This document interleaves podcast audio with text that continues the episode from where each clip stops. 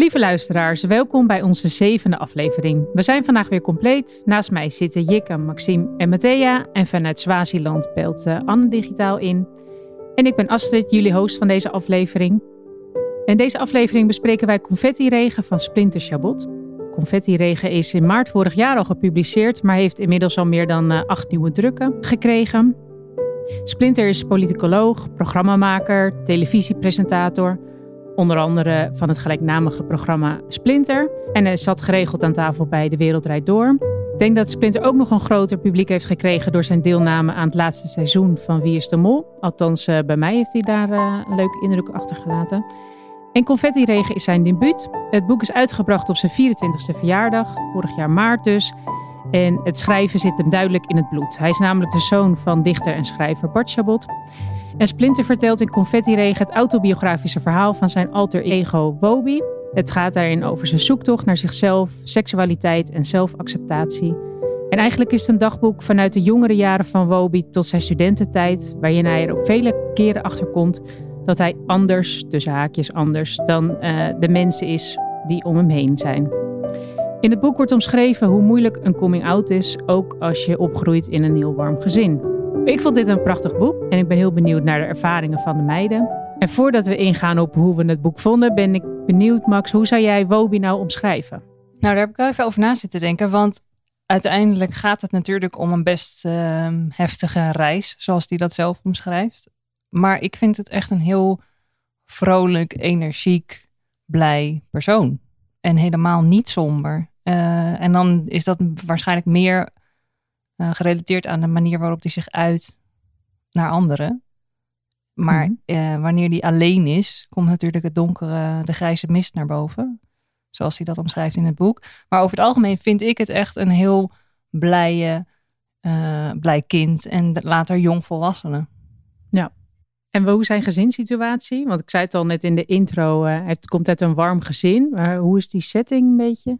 Eigenlijk begint het boek daarmee. Hè? Het, is, het is nog net geen kermis thuis volgens mij. Alles, uh, alles is welkom in het huis als het gaat om meubilair. Elke kleur. Uh, het liefst moet het tierenlantijntjes hebben. Dus ik kan me echt heel erg voorstellen dat het een ja, heel gezellig uh, Villa Kakelbondhuis is. Um, en naar hoe ik het lees is het ook zo dat, dat zijn ouders en broers heel erg vrij zijn opgevoed. En aan de andere kant vind ik het ook wel weer grappig om te lezen dat ze eh, ook op, in een bepaalde mate uh, hem geprobeerd hebben te beschermen van de buitenwereld. Op het moment dat ze geen nieuws mogen kijken. En dus tot een bepaalde leeftijd worden ze nog in hun kinderbubbel gehouden, als het ware. En later zie je wel dat dat steeds meer uh, opengesteld wordt, zeg maar. Dat ze meer toegang krijgen tot, uh, tot de buitenwereld.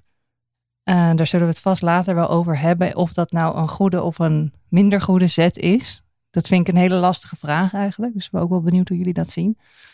Um, maar bovenal een heel fijn, warm nest, denk ik, om in op te gooien voor een kind. Ja, mooi omschreven. Anne, wat vond jij van het boek?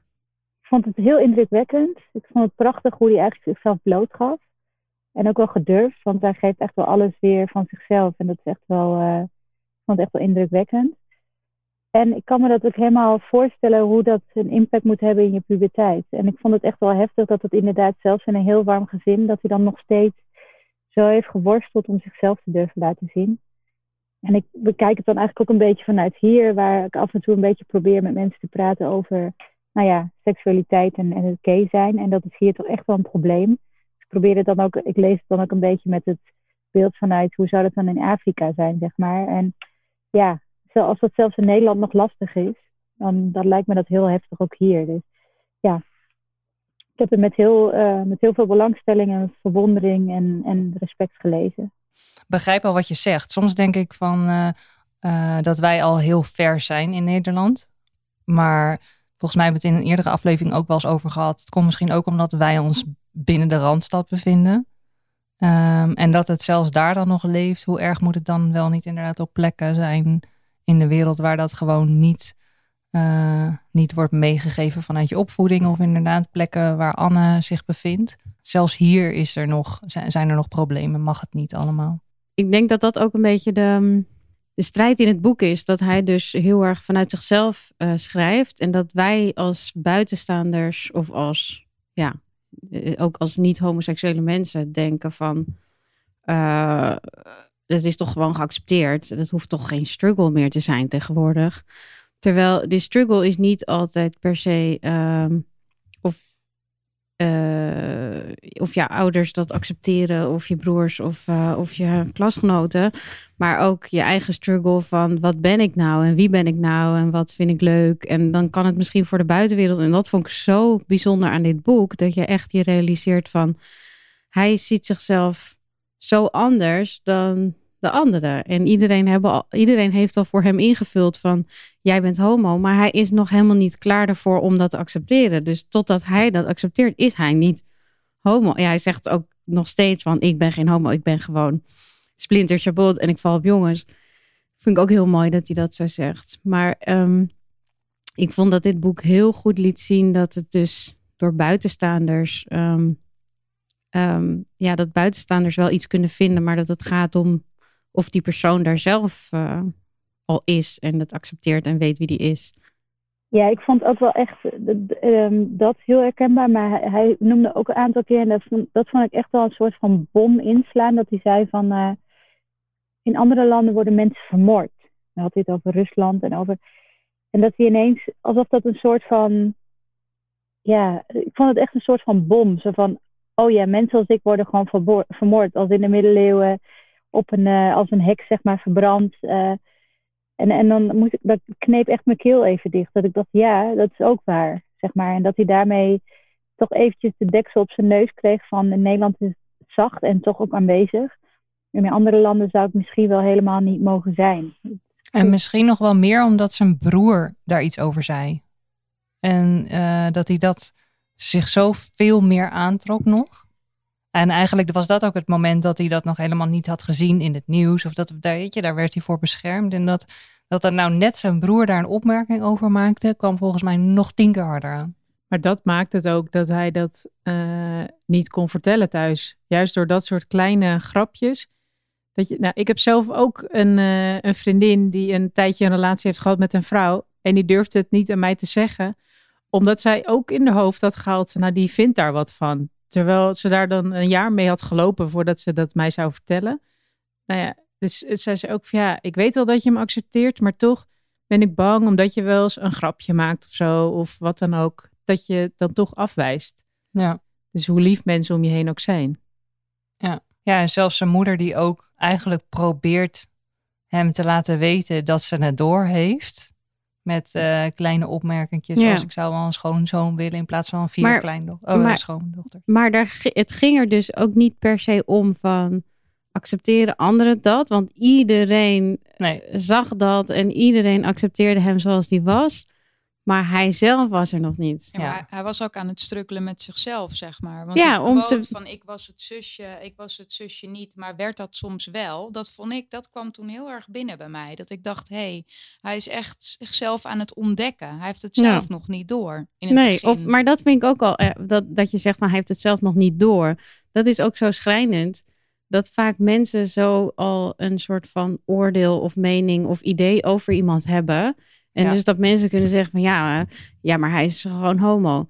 Maar dat kan je niet zomaar zeggen als iemand zelf die reis nog niet heeft gemaakt en daar nog niet is. Dus dat Ja. vond ik wel echt een les uit het boek. Dat je Ja. niet als buitenstaander kan zeggen wat iemand, wat iemand is of leuk vindt, als die zelf dat nog niet 100% heeft ontdekt. Nee, want dat is ook wat zijn ouders hebben gedaan. Hè? Ik weet niet of jullie dat in, ja, volgens Max sowieso, het eh, Ja. interview bij De Wereld Door gezien.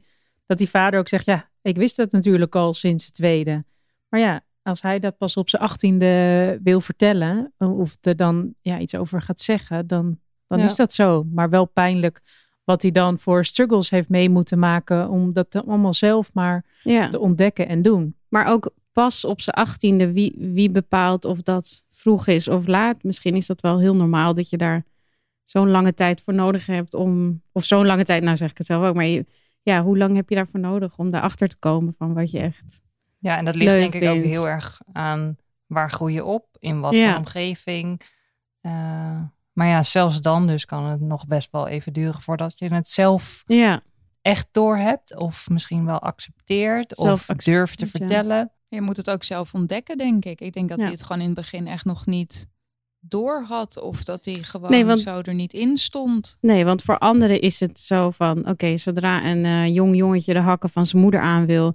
en houdt van glitter en van roze kleren... dan, nou, dan is dat wel een indicatie. Stempel, huppakee.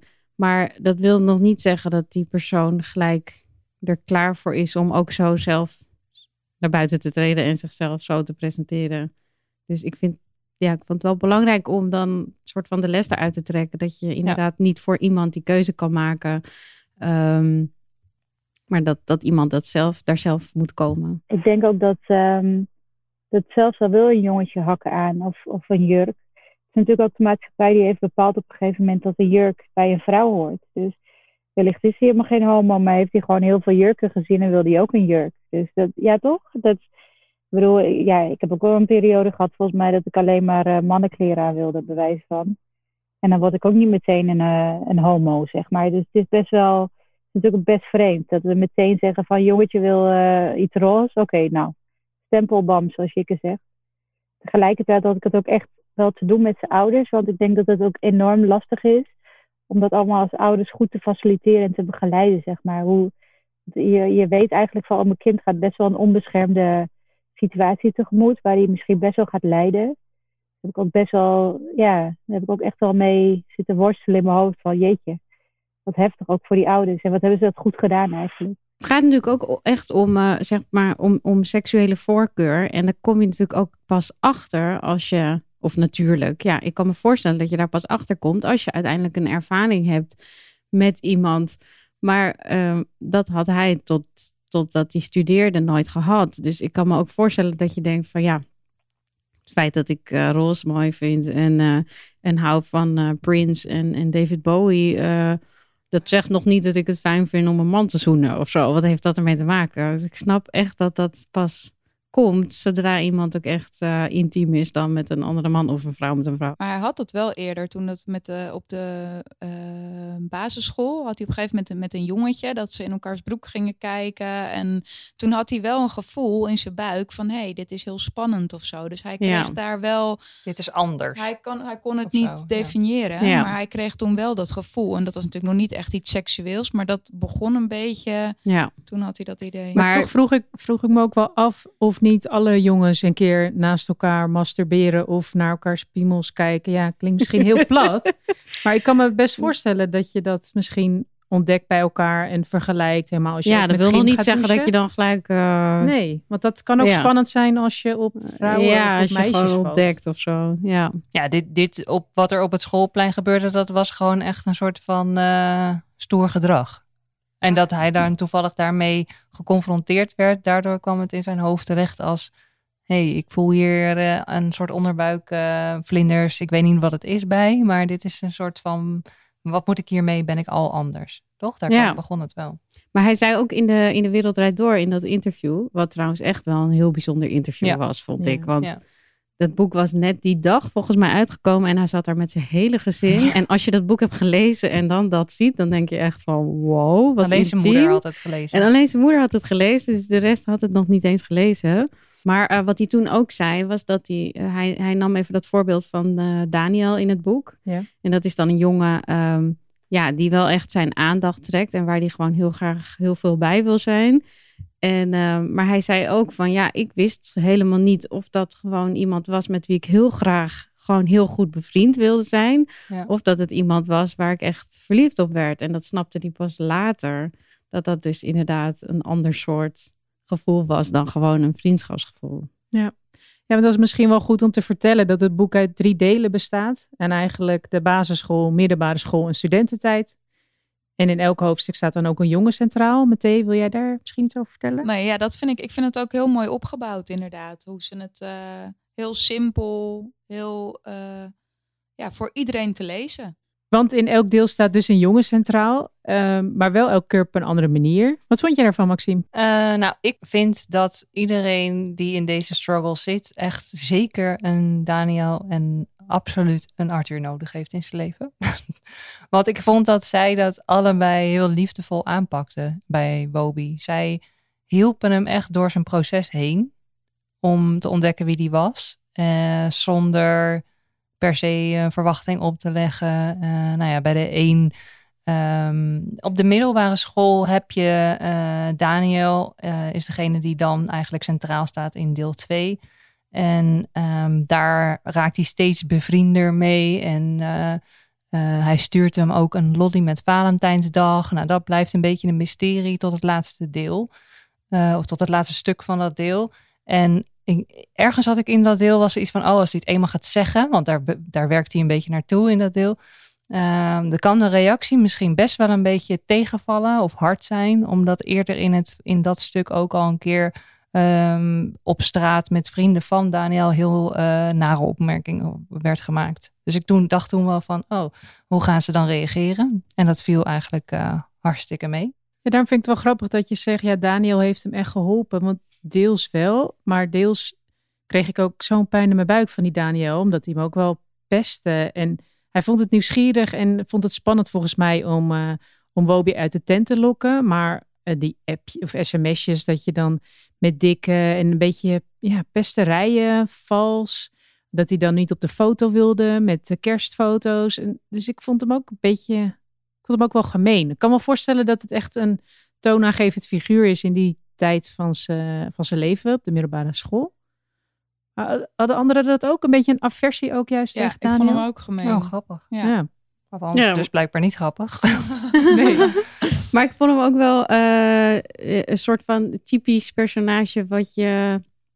Uh, hoe zeg je dat? Ik kan me voorstellen dat je dat jongens op de middelbare school zo daarmee omgaan. Ja, dus zo een soort van uh, stoerdoenerig, maar aan de andere kant het wel accepteren, want ze hebben eigenlijk wel een goed hart, maar, maar toch niet dat helemaal vol uit willen spreken. Dus een beetje, ja. Hij was toch een beetje de populaire jongen. Dus ik denk ook dat hij zijn eigen ego uh, had. En dat hij zijn eigen uh, rol hoog moest houden. Ja, inderdaad. Maar ik had op een of andere manier wel het idee dat hij uh, oprecht was. En natuurlijk hij hem een beetje uit de tent lokte en, en grapjes maakte. Maar ik had wel het idee dat dat een soort van wederzijds oké was of zo. Want hij, hij vond het ook juist heel fijn om iets van hem te horen. En dat, dat grapje, dat hij dat juist met hem maakte, vond hij ook zelf bijzonder. Dus ik heb wel een, ja, ik vind, het, ik vind het eigenlijk wel een leuk personage. Zeker op de manier waarop hij dan uiteindelijk reageert als hij het zegt uh, van nou, dat is toch prima.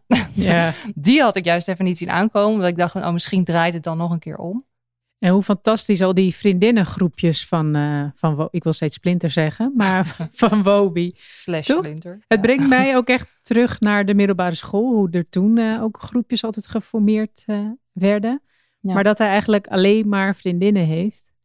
En daar dan ook helemaal zijn hart kan luchten en die hem helpen. Ik vond dat wel een heel mooi deel in het verhaal. Ja, ik kon me het ook helemaal voorstellen hoe, wat voor type hij dan was geweest op de middelbare school. En inderdaad hoe die dan van de ene vriendin naar de andere huppelde en dan roddelen. En dan langzamerhand dat hij eigenlijk steeds meer vertelde aan ze en steeds meer zichzelf kon zijn. Want eerst was het dat hij dat nog helemaal een soort van uh, zichzelf een beetje verschuilde. En dan langzamerhand kwam dat veel meer naar voren. Trouwens, dat stuk over dat gimmen. Wat vonden jullie daarvan? Zal ik het even uitleggen? Wat, ik? nou, tijdens zijn middelbare schooltijd wordt het voor hem langzamerhand steeds moeilijker om mee te doen met de gymles. En dat, heeft, en dat is vooral zodra de gymlessen um, gesplit worden. Dus dat uh, jongens apart gymles hebben van de meisjes. Hadden wij dat vroeger trouwens nee, Dat vond ik dus ook echt Wat is dat eigenlijk voor raars? Ja. Dus misschien een hervormd lyceum was het toch, waar die zat? Misschien. Oh, weet ik niet. Maar echt de gymlessen, dus niet de kleedkamers, ja. Ja, en ook de kleedkamers sowieso. Ja, dat snap ik nog wel. Maar de gymlessen... Ja, dat ook, ook niet heel relaxed. Kleedkamers, gewoon lekker. Ja, lekker. Allemaal lekker vrij met elkaar, hoppatee. Maar uh, oké, maar goed. Ze gingen dus, uh, kregen, uh, hoe zeg je dat? Um, dus gescheiden gymles. Gescheiden gymles. En daardoor voelde hij zich heel erg ongemakkelijk tussen al die jongens, omdat natuurlijk dat hele testosterongehalte daar erg hoog was en hij zich compleet buiten de boot voelde vallen of compleet niet op zijn plek voelde. En dat werd echt zo erg dat hij wel paniekaanvallen kreeg en zich zo naar voelde dat hij op een gegeven moment naar zijn gymleraar is toegegaan en gevraagd heeft van ja, kan ik uh, stoppen met, met meegimmen, want ik trek het gewoon echt niet meer. Zo zielig inderdaad. En dat het toch zelfs op dat moment nog niet vol werd uitgesproken van... Ja, ik val op jongens en daarom vind ik het... Ja, het was gewoon echt een ehm, gevoel van ongemak voor hem. Dat hij niet op zijn plaats was. Dat vond ik zo... Ja, ja. ja. daar kreeg ik echt wel pijn in mijn buik van. Ja. Maar ook zo mooi dat een eh, leraar daar dan zo op reageert. Ja. Ja, ik kan me voorstellen... Ja, ik kan me eigenlijk helemaal geen coming-outs van mijn middelbare schooltijd echt herinneren. Uh, maar die moeten er natuurlijk sowieso wel geweest zijn, of mensen die daarmee struggelden. Um, en als docent heb je daar misschien ook wel een soort rol in hoe je dat dan begeleidt, of als je dat ziet. En nou ja, zomaar even gym voor jarenlang uh, skippen, omdat jij je daarop bij voelt, dat dat dan geaccepteerd wordt. Ja. Vind ik wel echt heel sympathiek. Ja, en ook het niet melden bij zijn ouders. Ja. Eigenlijk zou je dat natuurlijk vanuit je plicht misschien als leraar juist wel moeten melden. Maar... maar hadden jullie vroeger niet zo'n vriend, zeg maar, ook op de middelbare school? Ik wel. Ja? Ja. Maar die is pas ook later uit de kast gekomen. Pas, uh, ik denk 25 of 25, 26.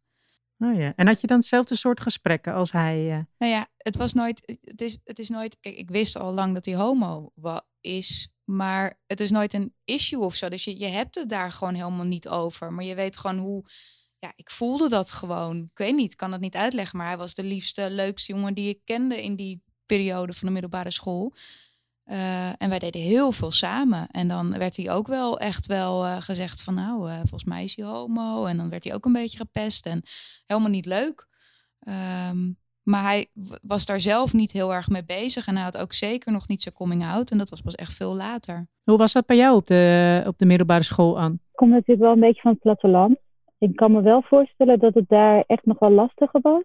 Omdat het gewoon niet, uh, nog niet zo geaccepteerd was. En dat is natuurlijk al wel weer twintig jaar geleden, want we worden ouder. En er zijn gedeeltes dicht bij mij in de buurt waar ook nog de Bijbelbelt zeg maar een beetje uh, speelt. Ik denk dat het daar uh, toch nog wat meer hidden was, zeg maar. Ja, dus dat is eigenlijk dubbel heftig voor, zo, voor kinderen of voor jongeren in de omgeving die daar opgroeien, kan me voorstellen. Nou, je kan het niet, misschien niet vergelijken, maar met zo'n extra beer op de weg. Ja, en ik denk ook wel um, wat ik van zeg maar, mensen heb gehoord die dan, nou ja, uh, uit de kast, zoals we het noemen, ik weet niet of dat uh, respectvol is, in een meer gelovige omgeving bijvoorbeeld, dat die echt nog wel een veel heftigere weg hebben moeten lopen, omdat die ook vaak gevoel hadden dat ze helemaal uit de gemeenschap zeg maar, groeiden. In zo'n gemeenschap waar, zeg maar, uh, waar, misschien al zelf, je ouders wel van je houden, maar waar, dat heb ik wel vaker gezien, dat mensen dan dat gewoon weer niet kunnen accepteren, ook al van dichtbij. Omdat dat niet binnen het geloof past. En, de, en dat veroorzaakt dan zo'n split bij mensen, dat je dus echt moet kiezen, terwijl het gaat over echt iets zoals familie. Of, um, en dat, dat, ja, dat vind ik, en dat, ja, denk dat het op het platteland misschien nog wel meer speelt, maar ook dat het uh, toch ook nog wel vaker speelt dan dat wij misschien wel denken. Ik zit nu te denken, want jij hebt het over uit de kast komen. En ik denk nu ook in, in de trant van dit boek, van wat is dat eigenlijk voor gekke uitdrukking? Want uit de kast komen, dat impliceert dat je iets verbergt totdat je uit de kast bent gekomen. Terwijl dat helemaal niet per se is. Waar komt het überhaupt vandaan? Ja, weet ik niet. Maar het is een soort van alsof je zelf de, de hele tijd iets, iets verbergt totdat je dan... Uh, Vind je niet? Ja, nou, Splinter zegt dat ook in interviews. Van, ja, oh, Ik zie het ook helemaal niet als mijn coming out. Want nee. ja, ik was gewoon wie ik ben. Ik zat niet gevangen. Alleen was ik nog een, aan het onderzoeken van wie ben ik. En ik wil dit eigenlijk niet, maar langzamerhand het steeds meer accepteren. Um, en waarom zou je, als je op mannen valt, dat moeten aankondigen of daarvoor uit moeten komen? En als je op vrouwen valt, of als man zijnde, niet. Daar begint het natuurlijk al mee. Dat ja. het dus het ja, wij kunnen het met elkaar wel allemaal normaal vinden, maar het is nooit normaal. In geen enkele generatie zal het normaal worden, hoe graag we dat ook zouden willen. Ja, ik vond het ook wel mooi hoe die in dat boek uh, dat steeds aangaf met grijze mist. Ja. Daarmee gaf hij een soort van zijn gevoel aan rondom dit hele, dit hele idee van dat, die, dat er grijze mist was. Zo van hij wist eigenlijk niet wat hij wat hij was. Of hij zweefde tussen misschien twee verschillende dingen. Of, uh... Als hij het even niet meer wist, vooral. Als hij dacht van, dat schreef hij in dat interview. Het is een beetje als een flipperkast. De ene seconde is dit, de andere seconde is het dat. En als dat een soort van hem overkomt, dan noemt hij het inderdaad uh, grijze mist. Ja, dat er iets, wel iets was, maar dat het niet, nog niet concreet gemaakt kon worden. Ja. Maar het boek gaat ook natuurlijk alleen over zijn schoolperiode. En eigenlijk is dat natuurlijk gezien qua als je kijkt van dat je als baby geboren bent en dan uh, later uh, bejaarde bent, is dat natuurlijk een relatief korte periode. Dus hij heeft, vind ik, al heel snel alles ontdekt en... Ja, waarschijnlijk ook wel een heel belangrijke periode in, het, uh, in dat hele proces. Maar vooral wat jij zegt, ik denk dat zolang er nog niks gebeurt met een, een man of met een persoon van hetzelfde geslacht, dan is het nog niet echt. En pas op het moment dat er dan iets gebeurt met een zoen of wat dan ook, dan is het oké. En uh, dit voelt zo fijn, dit is inderdaad. Ja, dan weet mij, je. Dan weet je. Ja, dan is het en uh, confetti. voor, voor, voor mensen die, uh, die hetero zijn, is dat misschien dus veel eerder. Als je op je dertiende als meisje met een jongen zoent, dan denk je, ja, dit is. je bent ook leuk. dingen aan het uitproberen, toch? Ik bedoel, ja, ja maar dan heb je, wel eerder bevestiging. Zoende, of, maar dan heb je. Zeg je meteen? ja, ik heb echt wel ooit een keer met een meisje gezoend, ja. Maar, maar heb je toen, serieus? Even, ik had heb... geen vlinders of confetti-regen in mijn buik. Geen confetti-regen. um, misschien een mooi haakje naar het, uh, het, derde deel. Want dat is het moment dat hij uh, tijdens een studentenfeestje Arthur ontmoet. Je, kan jij er iets over vertellen hoe die ontmoeting was en wat daar dan eigenlijk toen gebeurde? Want het was wel een openbaring. Ja, dat was wel. Ik vond het wel een leuk, uh, leuk stuk. Want hij is dan net uh, volgens mij een beetje nieuw in Amsterdam. Hè? En dan woont op een kamer ergens in Oost. En uh, ja, kent nog niet zoveel mensen volgens mij. Dan gaat hij met een vriendin van hem gaat hij mee naar, um, naar het koor. Tenminste, zo heb ik, dat wordt niet genoemd, maar dat, dat was het wel natuurlijk. Gaat hij mee naar het koor. En dan, um, ja, dat is natuurlijk één groot, ja, vieze band, zeg maar. Een ego-festijn vooral, ja, met bier en... Um, en koffiemelk. Koffiemelk. God, voor die scène, ja. Um, maar goed, dus hij voelt zich daar al niet helemaal op zijn plek. Want dat is, er wordt natuurlijk ook veel ge, ge, gebrald. En um, uh, ja, een erg uh, macho omgeving. Maar uh, dan zegt een vriendin van hem van, oh, er is een jongen die heel graag met je wil praten. En hij denkt eerst ook van, ja, je zit me in de zij te nemen. En hij wil niet, er niet op ingaan. En hij zegt ook echt van, je moet geen grapje maken, want je speelt met mijn gevoelens. Zo van, nou, echt me nu niet in de zijk nemen. Maar het blijkt dus dat het toch echt is. En dan is er een jongen die dus heel graag uh, ja, met hem wil praten. En vervolgens uh, praten ze in de rokersruimte de hele avond lang en uh, heel ongedwongen en, en spontaan over ook een beetje zijn zoektocht. En ook van die jongen zelf. En die jongen zelf die had al wat meer ervaring. En daardoor um, komt Wobi eigenlijk helemaal ja, wel een beetje tot, tot zijn acceptatie of zo van zijn. Uh... Ja, zonder dat ze het echt benoemden of zo. Hè? Ja. Dat ze er een beetje uh, op een andere manier over praten. Ja. Zodat het voor elkaar duidelijk was dat ze allebei dezelfde ja. wandeling uh, aan het maken waren. Ja, maar en het werd ook wel. Ja, het werd ook wel gelijk duidelijk dat dat wel een hele leuke jongen was. En dat hij echt wel. dat Bobby, die Arthur, dat dat wel echt een. dat er wel een klik was. Hè? Er was wel. Vonken. ja.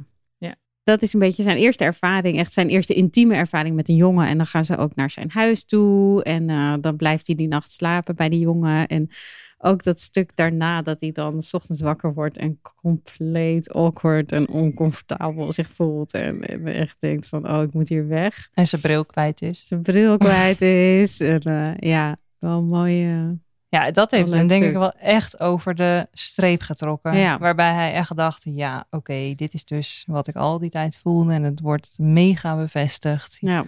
Hier moet ik wat mee. En, uh, en dan, gaat hij, dan overlegt hij of zegt hij eigenlijk ook tegen hem... Uh, dat hij dat gaat vertellen tijdens het kerstdiner met zijn familie. Ja. En waarom het uiteindelijk niks wordt, echt best wel jammer eigenlijk. Nou, ik vond het echt heel verdrietig.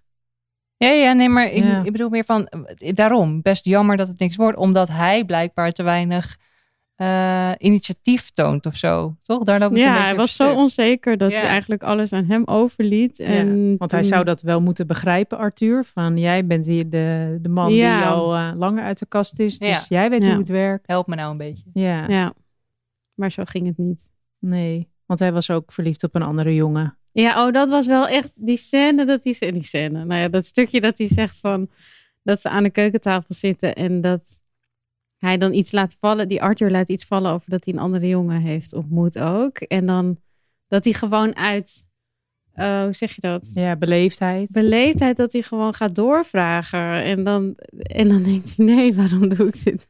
En dat hij weg wil. Doe ik het mezelf en dan aan. En dan, ja, en dan kan hij niet blij, kan hij niet weg. En, ja.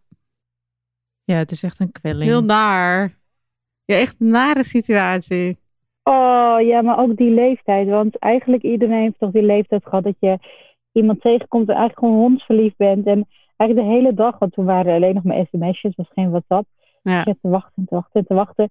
En dan eindelijk sms'en diegene en dan ging je naar huis en dan dacht je, nou vind je me wel leuk. Het is natuurlijk helemaal niet anders dan bij homo's.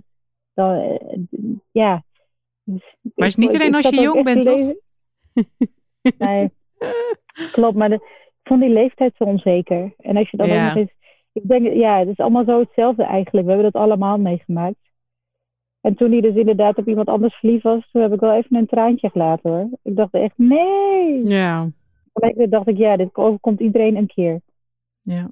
Maar over huilen gesproken, Jik, jij uh, appte ons ook van uh, tranen met tuiten weer hoor. Wat is dan het moment waar, waar je brak? Nou ja, dat stuk dat, dat hij het gaat zeggen tegen zijn ouders. Dus hij wacht echt speciaal uh, tot kerstavond. Wat ik ook wel weer um, bijzonder van, wat daardoor maakt, uh, bijzonder vind. Want daardoor maakt hij er zelf dus wel een heel ding van. Dus hij wil het wel echt mooi op een mooie manier aankondigen.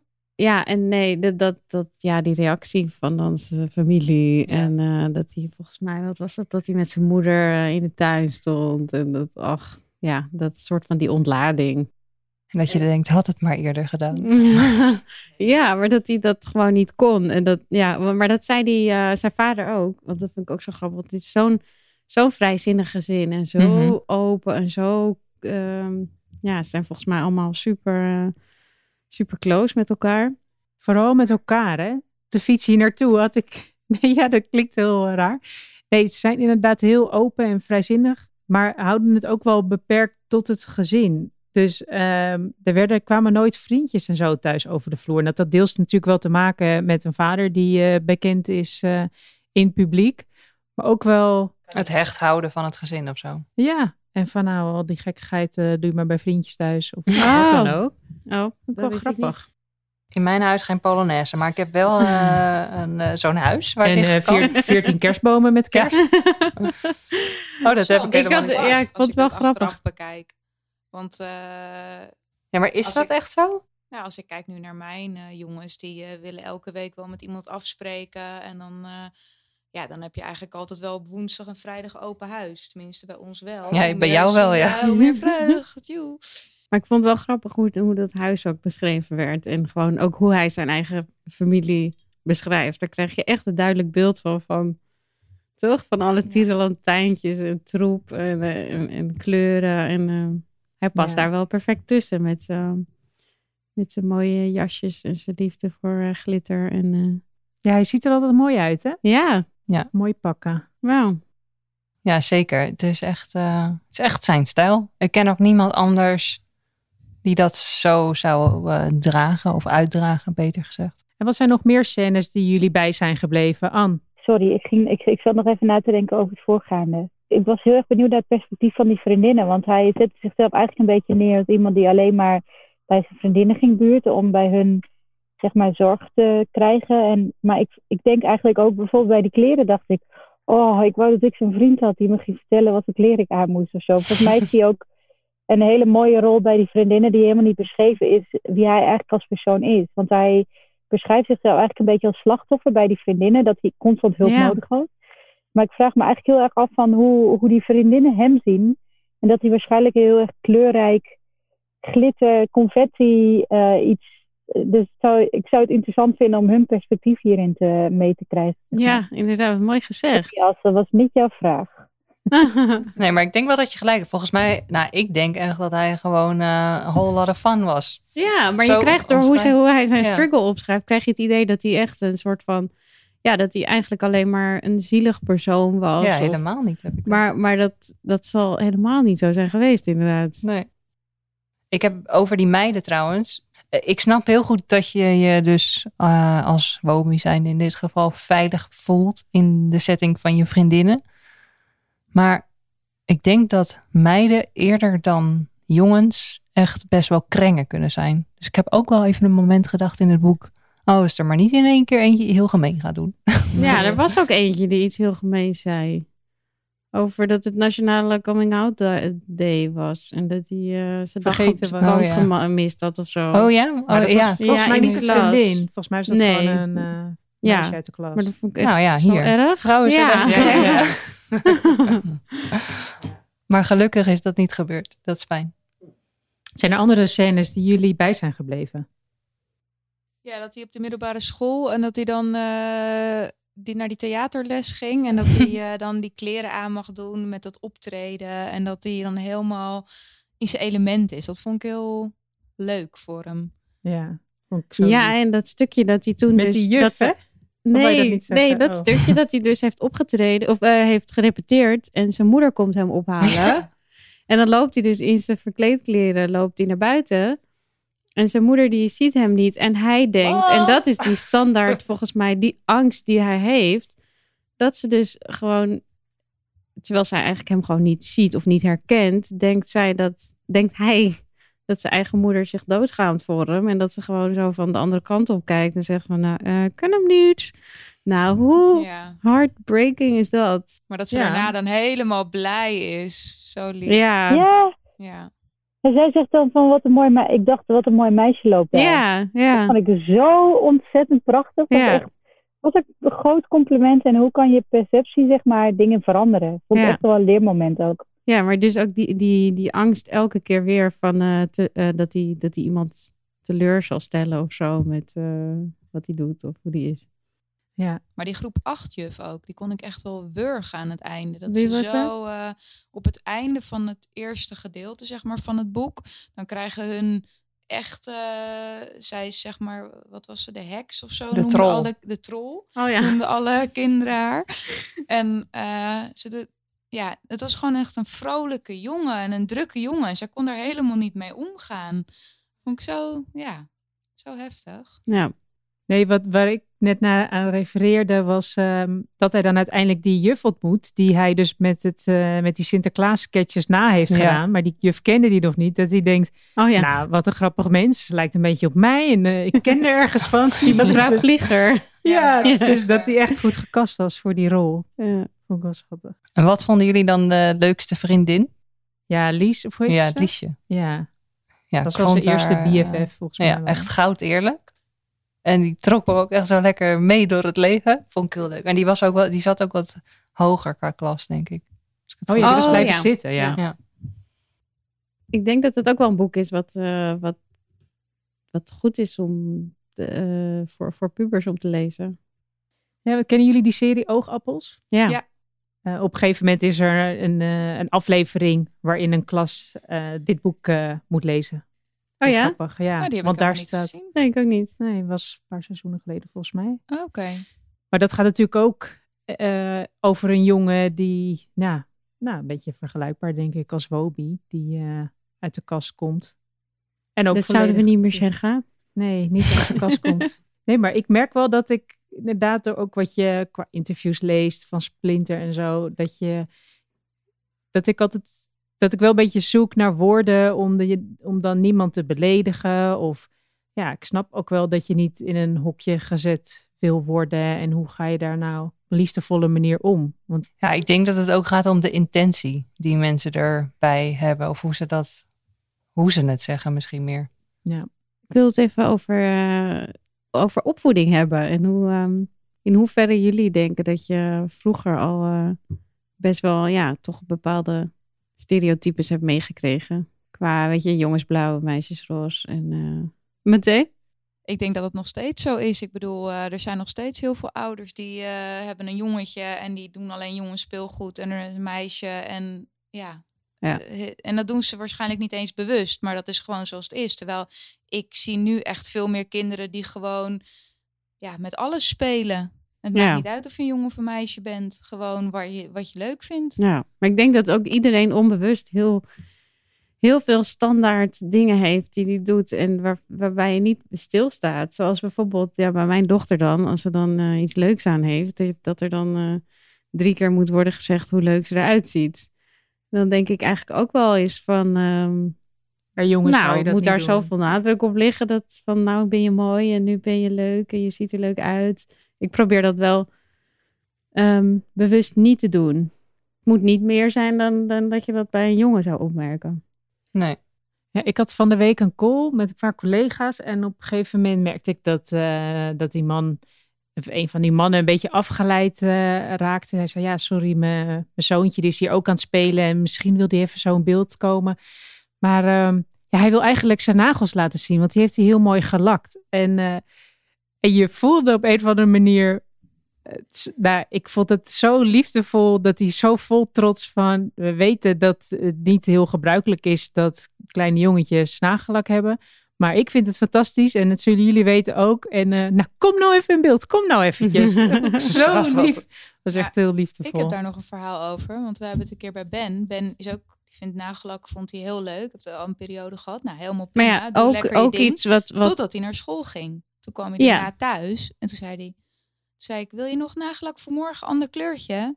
Nee, wil ik niet, mama. Ik wil niet met nagelak meer naar school. Ja, omdat hij daar... toch kindjes die hadden gezegd, hé, hey, je hebt nagelak op. Ja. Wat is dat nou? Terwijl het best wel iets logisch is wat alle kinderen leuk zouden vinden. Want iedereen het vindt leuk om te kleuren en te verven. Ja, en te, dus Precies. ik vind het ook iets wat ja, ik vind het niet gek dat jongetjes dat ook leuk vinden. Ik zou niet dan gelijk daaraan ophangen dat een jongetje misschien wel... Uh... Nee, dat deed ik dus ook niet. Dus ik nee. kocht ook gewoon nagelak. Ja. En ga je gang, hele nagelak maar dus dan, heerlijk. Dan zit je al in helemaal stereotypen van de buitenwereld. Die bepaalt dan... Ja, nou ja, uiteindelijk uh... dus niet, want ik liet het zeg maar toe. Maar toen kwam ja. hij thuis en toen de... zei hij, nou liever toch niet. Want nee. dan gaat het op school uh, ja. toch...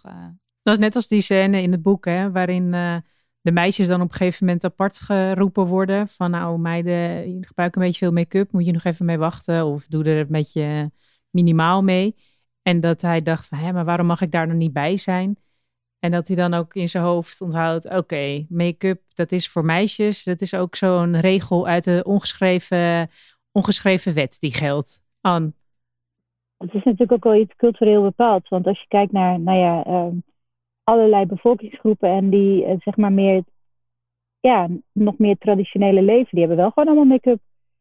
Kijk naar mensen in, uh, in Zuid-Amerika, als uh, dansen, dan hebben de mannen toch ook gewoon make-up. Of in, in Afrika, de, de volkeren, de mannen die, die kleuren zich en zelfs de dieren hebben allerlei kleuren. Dus eigenlijk best gek hoe dat zich zeg maar zo ontwikkeld heeft dat wij dan hebben besloten dat vrouwen dat niet doen.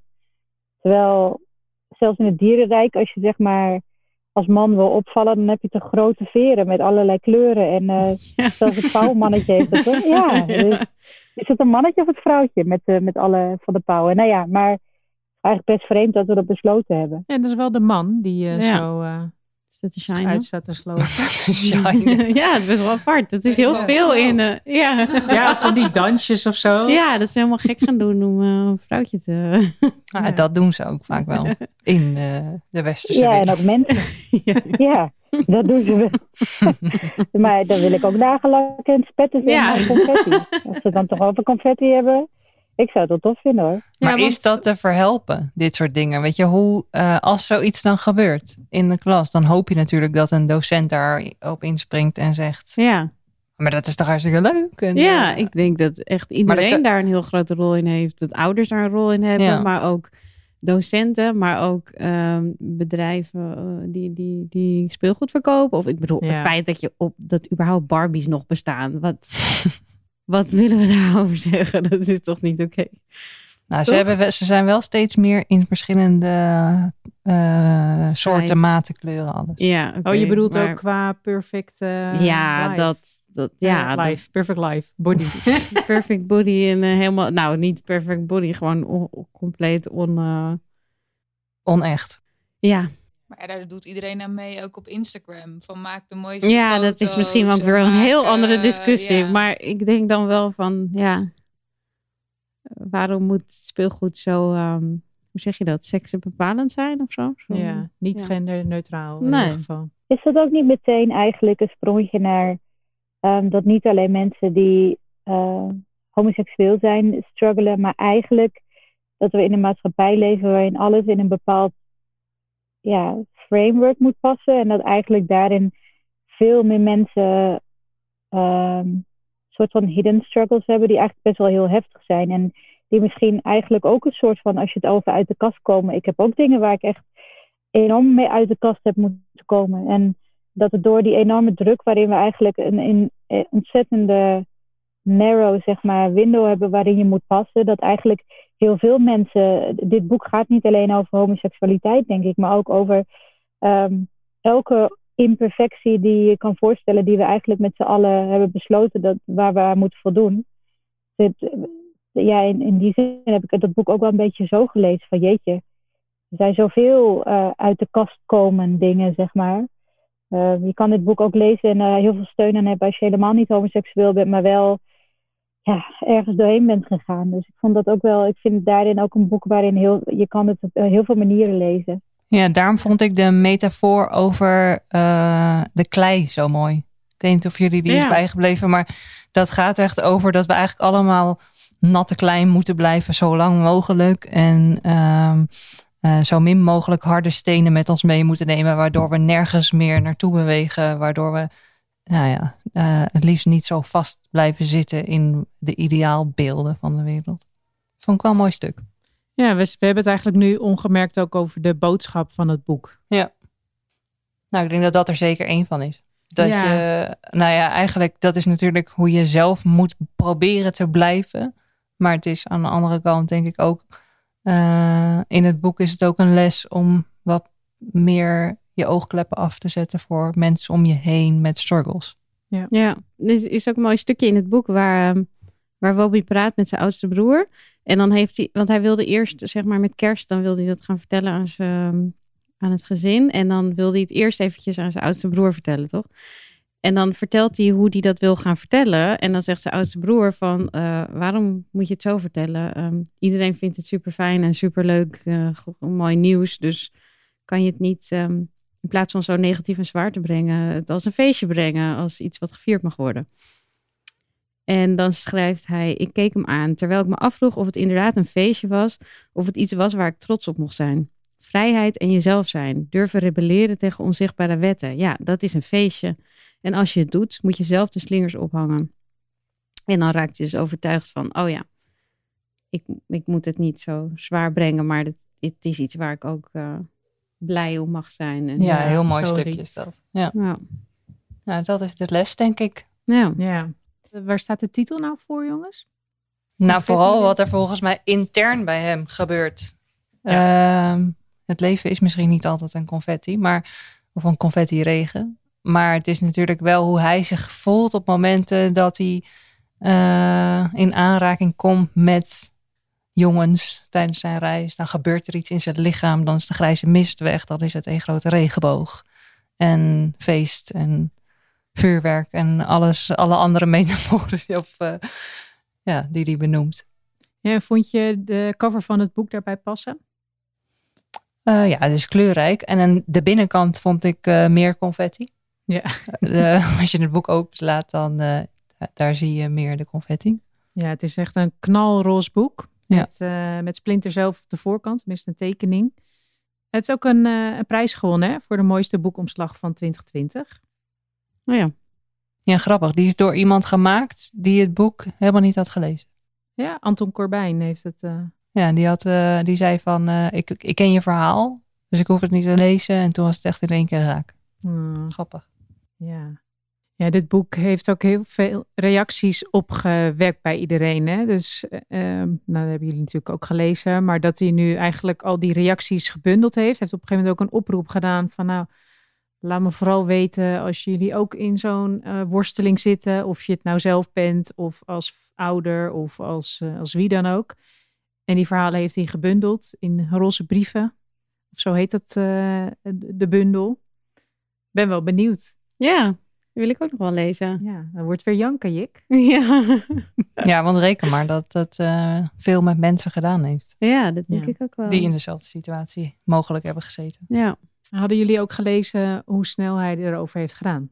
Ja, ik, ik dacht dat te horen. Dat hij begon in januari en eind februari was hij klaar. Ja. Ja, ongelooflijk. Ook omdat hij zoiets had van ik wil een niet te lang...